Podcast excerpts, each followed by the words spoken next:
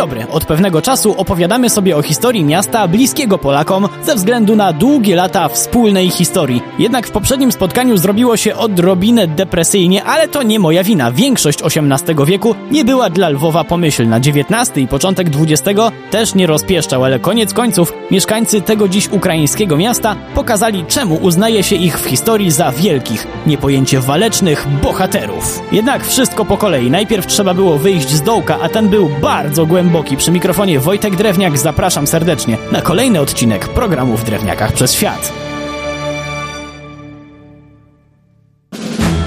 Lwów pod zaborem austriackim i po, nazwijmy to, reformach Marii Teresy ledwo dyszał. Czy była jakaś nadzieja? Owszem, kiedy do Lwowa wjechał w 1809 roku Józef Poniatowski i wprowadził polskie rządy, co jednak trwało tylko 24 dni, bo polskie zachcianki wolnościowe bardzo szybko zostały sprowadzone do parteru i zduszone.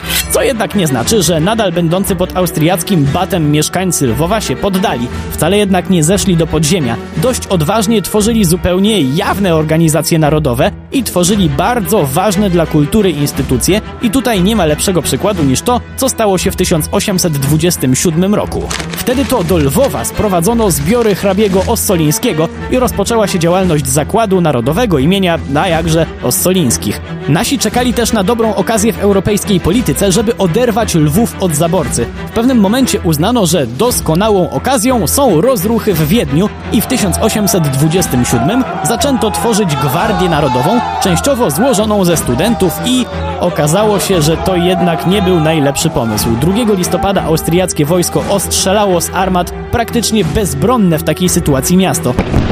55 osób zabito, 75 zostało rannych, a na dokładkę i dla postrachu spalono wieżę ratuszową, uniwersytet i bibliotekę. To był potężny cios, po którym Lwów długo się podnosił i wtedy w 1849 roku przez miasto przeszło rosyjskie wojsko, które akurat szło walczyć na Węgrzech. Nic tylko się załamać, prawda?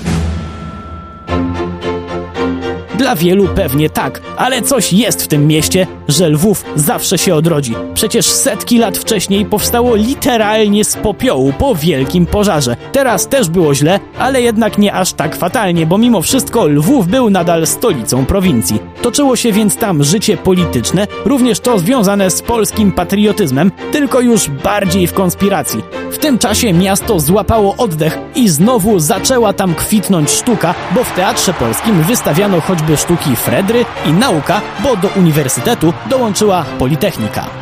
Lwów rósł w siłę, a monarchia austro-węgierska wręcz przeciwnie. Nie była już taka mocna jak kiedyś, więc Lwów i ogólnie cała Galicja dostały trochę więcej luzu nazywanego fachowo autonomią, co ekspresowo wykorzystano. Powstał Teatr Wielki, Sejm Krajowy, masa pomników tęgich celebrytów jak Mickiewicz czy Sobieski, a żeby to 200-tysięczne miasto lepiej skomunikować, to pociągnięto też trasę kolejową z Przemyśla. Wydawało się, że Lwów wychodzi na prostą i wtedy przyszedł rok 1914, a z nim największa wojna, jaką ówczesny świat widział. Pierwsza wojna światowa.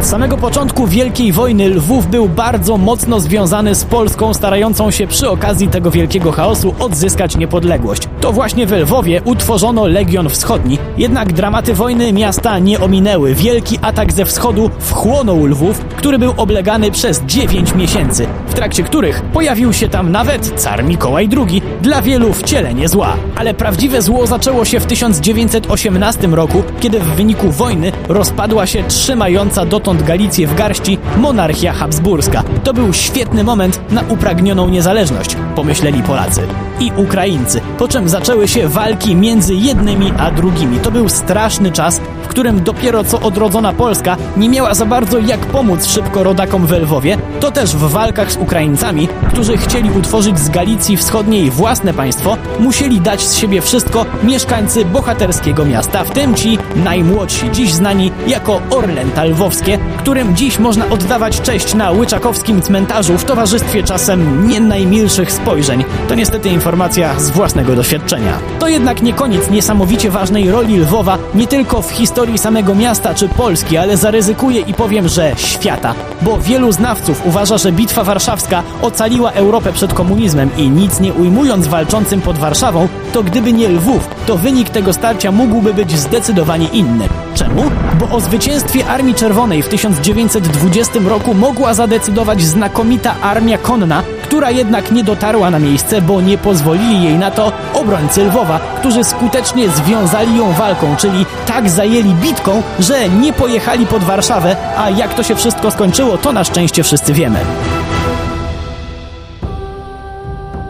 A jakim odbyło się to kosztem? Zatrzymanie armii konnej przypłaciło życiem kilkuset bohaterów z Lwowa. Wagę ich poświęcenia doskonale rozumiał marszałek Piłsudski, który jak tylko bolszewików ostatecznie przepędził, to przyjechał do miasta i odznaczył je orderem Virtuti Militari. Tak odznaczył miasto. Co więcej, bohaterski czyn miasta sprawił, że to właśnie z cmentarza obrońców Lwowa wzięto trumnę, która później spoczęła w kultowym warszawskim grobie nieznanego żołnierza. Po ciężkich czasach Lwów mógł wreszcie odpocząć. Zaczęło się dwudziestolecie międzywojenne, podczas którego to piękne miasto było trzecim co do wielkości w naszym kraju, aż do 17 września 1939 roku, od kiedy jego historia toczy się już znowu własnym torem poza naszymi granicami. Przy mikrofonie był Wojtek Drewniak. Do usłyszenia.